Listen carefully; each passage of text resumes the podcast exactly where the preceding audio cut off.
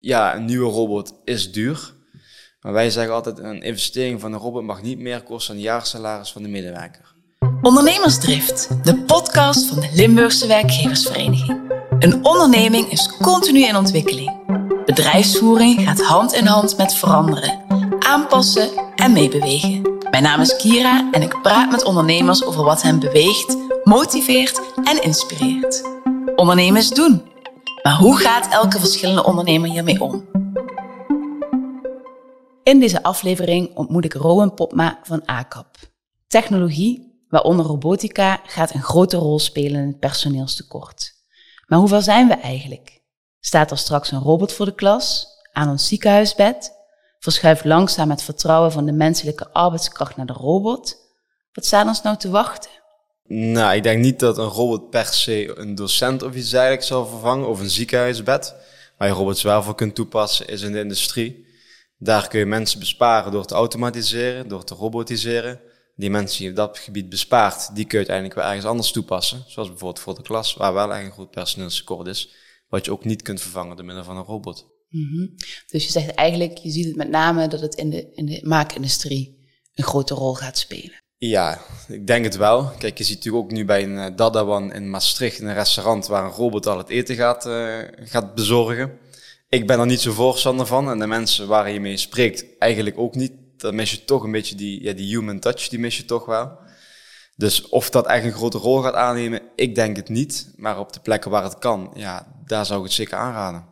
Niet bij menselijk contact, maar wel in de maakindustrie of in, in, achter de schermen ergens. Dat moet geen probleem zijn. Dan gaan we zo verder op in, want het speelt ook een grote rol binnen jullie eigen bedrijf. En uh, ik ben heel benieuwd, Rowan, vertel eens binnen een minuut, wie ben je en wat is je bedrijf? Ja, Rowan Pottema, momenteel 21 jaar. Uh, ik ben werkzaam voor ACAP. ACAP is een producent van houten buitendeurrompen. Uh, het bedrijf is opgericht door mijn vader, Michel. Um, eigenlijk sinds jongs af aan al bij het bedrijf betrokken geweest. En nu verantwoordelijk voor de hele verkoop en een stukje marketing. Ik ben er een uh, aantal jaar geleden eigenlijk ingestapt samen met mijn broertje. Mijn broertje doet eigenlijk intern alles uh, organiseren. Denk even aan productieplanning, productievolgorde, logistiek. Hij zorgt eigenlijk dat hele interne processen lopen. En ik zorg uiteindelijk dat zo'n deur dan verkocht wordt. Um, wij zijn inderdaad heel erg ver geautomatiseerd. Eigenlijk een beetje noodgedwongen door een gebrek aan personeel. Dus we hebben het spoor van robotisering gekomen. En dat is voor ons echt gewoon een uitkomst geweest om überhaupt in Nederland te kunnen blijven produceren. Durf wel te stellen, als wij die robotisering niet hadden gedaan, dat we niet meer in Nederland konden blijven produceren tegen de kosten waar tegen dat nu eigenlijk kunnen doen. En een stukje stabiliteit wat we daar gewoon hebben. En, en hoe is het, het, de robotisering op jullie pad gekomen? Um, dat was heel erg lastig. Ja, we vonden gewoon echt geen goede mensen. Met uiteindelijk als resultaat dat wij zelf op zaterdag het gras buiten stonden te maaien. Als ondernemer wil je dat niet. En toen zijn we eigenlijk voor de productie gaan kijken naar wat zijn dan de mogelijkheden. Nou, ik heb op een beurs hebben wij een uh, robot gezien die is eigenlijk pick and place kon doen. Nou, zijn robot pakt een plaat op en die deed hij dus neerstapelen. Uiteindelijk zijn wij het bedrijf uh, tegengekomen hier uit de buurt ook. Daar zijn we mee aan zee gegaan om die robot dus ook daadwerkelijk aan te schaffen. Um, de eerste robot hebben wij drie maanden niet naar durven kijken. Zo bang waren wij voor die robot. Die heeft drie maanden serieus stilgestaan. Totdat wij uiteindelijk de stap hebben gemaakt, nu moet u wel ergens een keer gaan draaien. Ja, wat maakte dat? Ja, je, hebt een robot in je bedrijf. Je bent toch even bang. Ja, wat doet zo'n ding? Uh, trillende handjes, om het zo eventjes te zeggen. Ja. Dus dat was wel een, uh, ja, niet een angst, maar toch wel even iets nieuws in je bedrijf. Je hebt een robot, dat is normaal iets wat in de automotive gebeurt. Ja. Niet iets wat in een kleine houthandelaar of een houtverwerkend uh, bedrijf gebeurt. En even terug, want hè, het is spannend om dan die robot aan te schaffen. De angst is er. Maar wat heeft jullie dan toch die stap laten zetten? Gebrek aan personeel. Ja, Gewoon bij de angst nood, en nood. Ja, ja, ja, ja. nood, punt. Meer is het niet. Je moest. En dat was op dat moment de beste oplossing. Veel andere oplossingen waren er niet. Eigenlijk een hele simpele taak. Een plaatje oppakken en een plaatje neerleggen. Uh, drie maanden later de angst aan de kant. Ja, en toch maar eens een keer gezegd, nou misschien moet het toch maar eens even een keer mee gaan beginnen. En moet ik me dan voorstellen dat je daarnaast staat met je handleiding en nu? Ja, ja, ik dan een bedrijf aan, toevallig hier uit de buurt. Daar hebben we eigenlijk gezegd, nou, dat is ideaal, want als je een keer wat aan de hand hebt, nou, lekker makkelijk bereikbaar natuurlijk. Um, dat ging eigenlijk hartstikke goed. Uh, ze hebben ons in contact gebracht met de juiste leveranciers, de juiste vacuümtechniek, noem het maar op. was eigenlijk een prima begin. En eigenlijk, die robot deed het over het algemeen best oké. En zo is eigenlijk het hele verhaal is eigenlijk begonnen. En die robot deed eigenlijk heel simpel. Je zet een pak hout neer. En hij pakt daar een plaatje vanaf. En die legt hij klaar voor de productiestraat. Uiteindelijk heeft ons al twee medewerkers geschild. Die de hele dag plaatjes doen te tillen. En in de moderne tijd vind je niet iemand die de hele dag plaatjes op een machine wil leggen. Die vind je gewoon niet meer. Inmiddels zijn jullie bij robotnummer? Uh, 13. En uh, de, eind dit jaar komen nog twee. Dus eind dit jaar uh, 15 robots operationeel. En jullie zijn, hè, een aantal jaar geleden hadden jullie hoeveel medewerkers in het bedrijf? Volgens mij in de productie hadden een stuk of 12 lopen. En die hebben afgeschaald nu naar, naar vijf in productie. Met een productiecapaciteit van keer vier, keer vijf, keer zes nu inmiddels. Ongelooflijk. Je vertelde, hè, samen met je broer zit je in het bedrijf. En je gaat het overnemen van je vader. Of jullie gaan het overnemen van jullie vader. Wanneer dachten jullie, ja, dit is het? Ja, eigenlijk nooit. We dachten nooit vroeger als kind, ik ga later deuren maken. Absoluut niet. Uh, ik vroeg bij die politieman worden of brandweer. Maar ja, als klein jongen op zaterdag heb je niks te doen. Dus je gaat toch maar mee naar papa naar het werk. Ja, dan groeide er eigenlijk langzamerhand al steeds verder in. Als klein jongetje zijn wij begonnen om van restmaterialen vogelhuisjes te maken. En die deden dan verkopen op de rommelmarkt. En daarvan deden dan leuke dingen kopen. Want ja, je verdient toch wel wat geld dan op zo'n jonge leeftijd. En hoe oud waren jullie? Acht, denk ik. Acht, zoiets. Ja, en uh, ja, daar is eigenlijk wel begonnen. Elke zaterdag gaan werken bij pap. En dan groei je er steeds verder in. Nou, toen kwam corona, toen zijn we eigenlijk beide, allebei fulltime bij het bedrijf gaan werken. Ik studeerde toen nog. Um, maar ja, die lag er wel een beetje op tweede keus. En het werk lag natuurlijk op eerste keus. Dus uiteindelijk die studie niet afgemaakt. Mijn broertje ook niet. En het studeren was er omdat je dat wilde of omdat het moest? Backup. Backup. Backup. Ja. Was niet per se nodig. Maar ja, je wilt toch een stukje zekerheid inbouwen. Ja. En uh, ja, een stukje backup. En uiteindelijk toch besloten te stoppen? Ja, ik had uh, MBO Junior Account Manager afgerond. Daarna HBO Commerciële Economie gaan doen. Maar wel met, wel met als doelstelling om het ook echt af te ronden. Uh, eerste leerjaar behaald, maar in coronatijd begonnen. 12 uur les per week, alles digitaal. Uh, dus onderweg naar een klant in de auto was ik mijn les aan het volgen via de telefoon. Nou, dat werkte niet heel erg lekker. Um, dus mm, uiteindelijk werd dat steeds minder en minder, die motivatie voor school. En toen na het eerste leerjaar had ik mijn propedeuse behaald. Thuis de discussie aangegaan van nou, ik wil toch gaan stoppen met mijn opleiding. Dat is even een discussiepuntje geworden natuurlijk. Als ouder zijn wil je liever niet dat je kinderen stoppen met een opleiding. En uiteindelijk is toch wel de keuze gemaakt van oké, we gaan het toch doorzetten.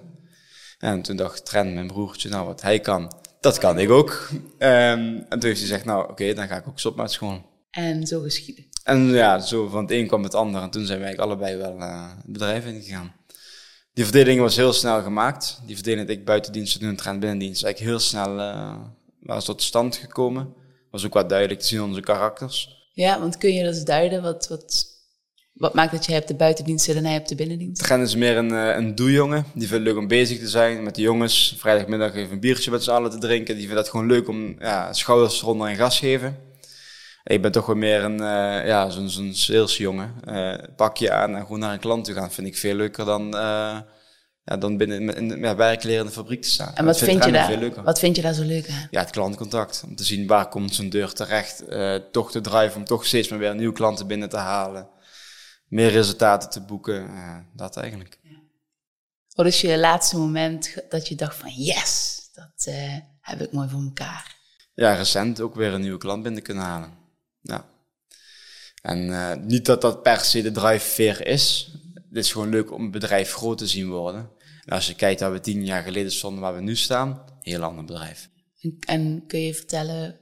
Ja, toen was de pers een pak OSB-plaat. Het is gewoon een pak hout, was destijds de pers. Wegens, ja, natuurlijk gebrek aan kapitaal, je begint net, ergens moet je beginnen. En als je kijkt hoe ver het bedrijf nu gekomen is, wat ik zeg, met 15 robots, uh, een stukje personeel, maar ook qua netheid en structuur van het bedrijf is niet dat wij nu nog 70 uur in de week hoeven werken, maar dan het werk niet af zouden krijgen. Of wegens problematiek of iets dergelijks. Ja. Het is heel lekker onder controle nu. En jullie deuren leveren jullie Nederland, Europa, wereldwijd? Ja, dus we gaan naar houthandelaren, dus we gaan niet naar de industrie.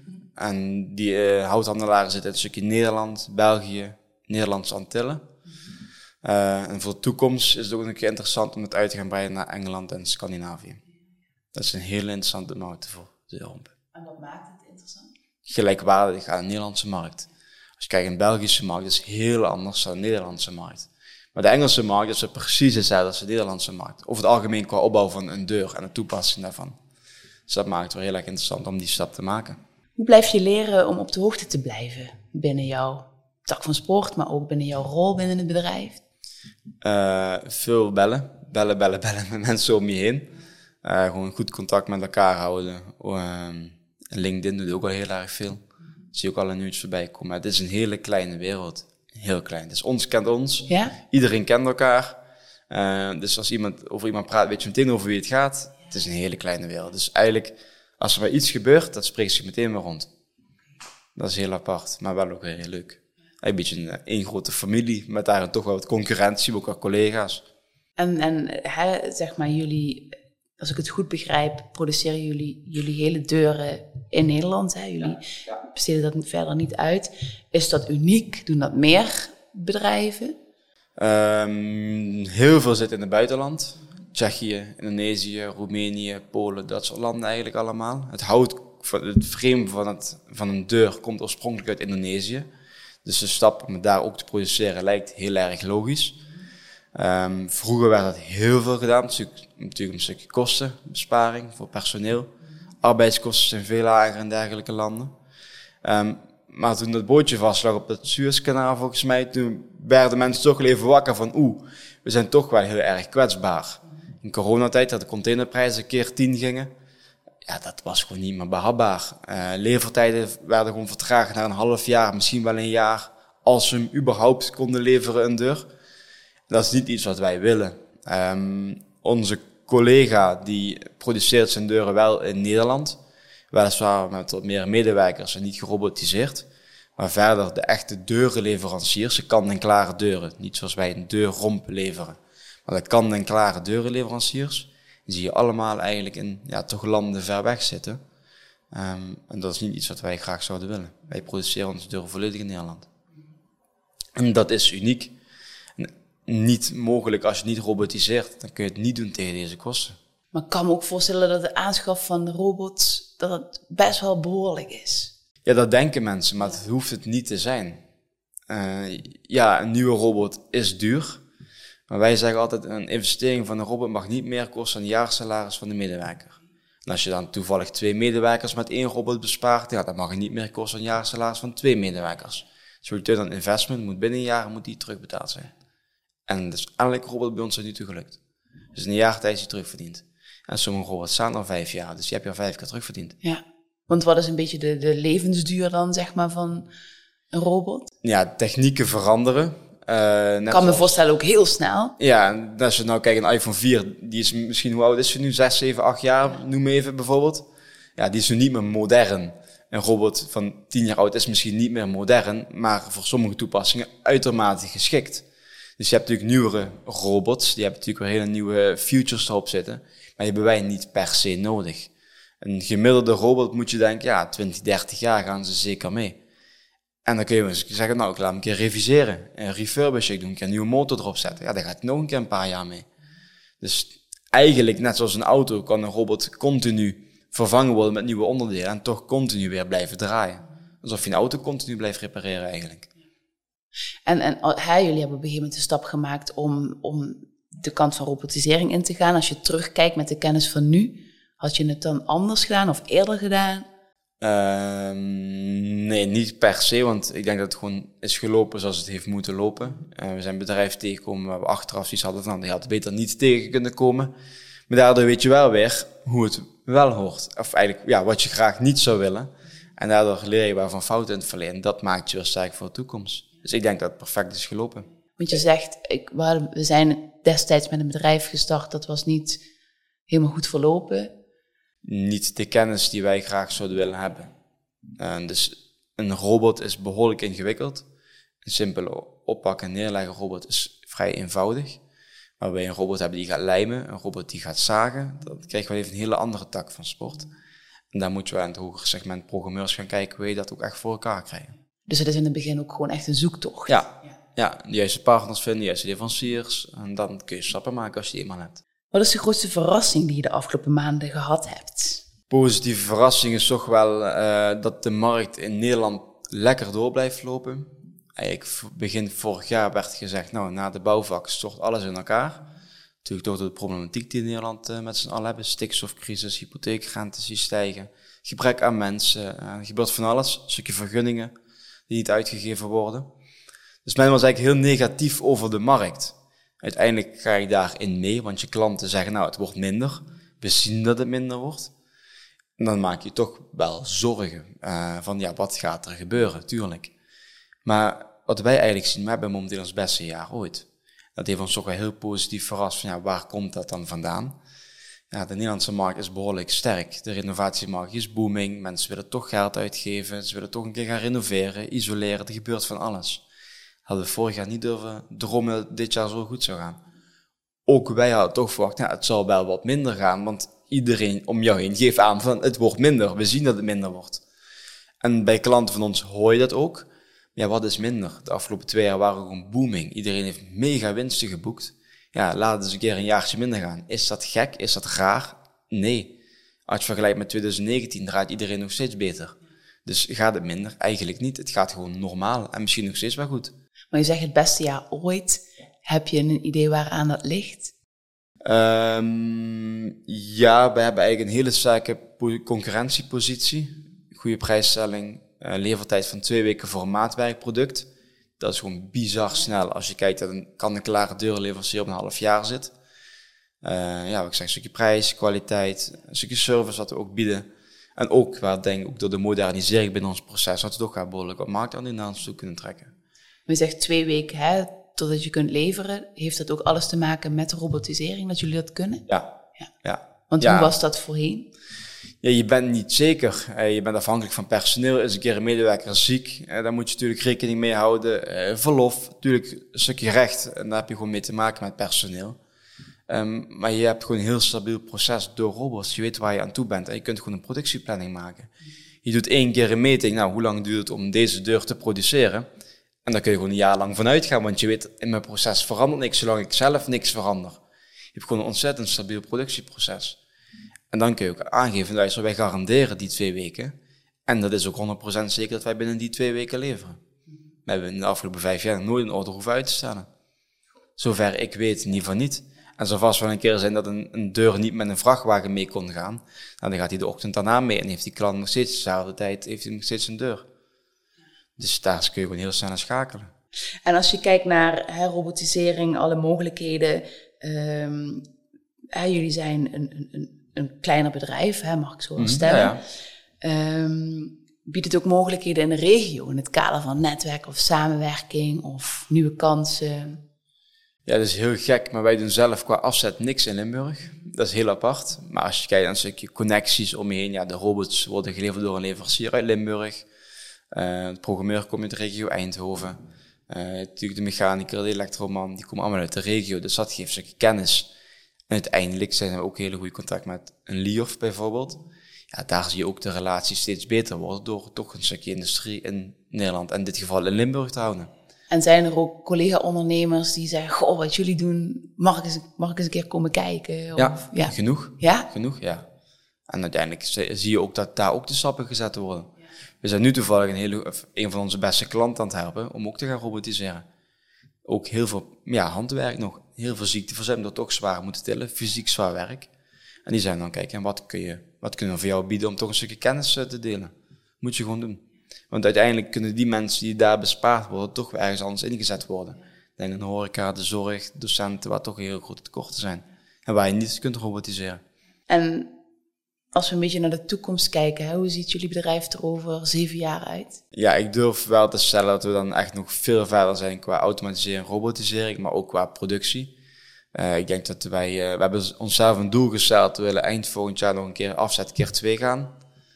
Um, en ik denk dat we over zeven jaar ook een stukje export doen. Engeland, Scandinavië, misschien Duitsland, België nog meer. Frankrijk misschien nog wel. Verder exporteren. Onze service blijven verbeteren. Um, ik hoop naar een leeftijd te kunnen gaan van twee dagen. Dat je echt nog verder kunt. Uh, van twee weken naar twee dagen. Ja. ja, maar dat hoeft niet pas over zeven jaar, dat kan eigenlijk al over twee jaar. Uh, dat eigenlijk een robot continu standalone kan produceren, 24 uur per dag. Dat je uiteindelijk daar naartoe gaan. Gewoon echt een volledig robotisch productieproces.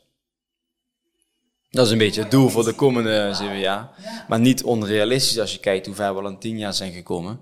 Zeven jaar is heel veel. In zeven jaar kan heel veel gebeuren met de huidige technieken. En jouw vader, die is het bedrijf gestart. Jullie als twee zonen nemen het over. Hoe kijkt hij naar deze ontwikkeling? Ja, die vindt dat geweldig. Die vindt dat leuk. Die, die stimuleert alleen maar. Hij, heeft eigenlijk een, uh, hij deed eigenlijk eerst alles. Dus denk een stukje productieplanning deed hij ook. Uh, hij deed een stukje verkoop, uh, techniek. Hij deed eigenlijk van alles wat. Als je een kleiner bedrijf bent, dan kan dat nog. Maar het bedrijf is uiteindelijk toch groot geworden in zijn omvang. Of ja, qua afzet, qua omzet groot geworden. En dan kun je niet meer alles blijven doen. Dus eigenlijk heb ik gewoon gezegd, nou, hij doet een stapje terug. Of niet per se een stapje terug, maar hij gaat zich focussen op de techniek. Hij neemt de binnendienst, de productieplanning neemt hij over. En ik ga de verkoop doen.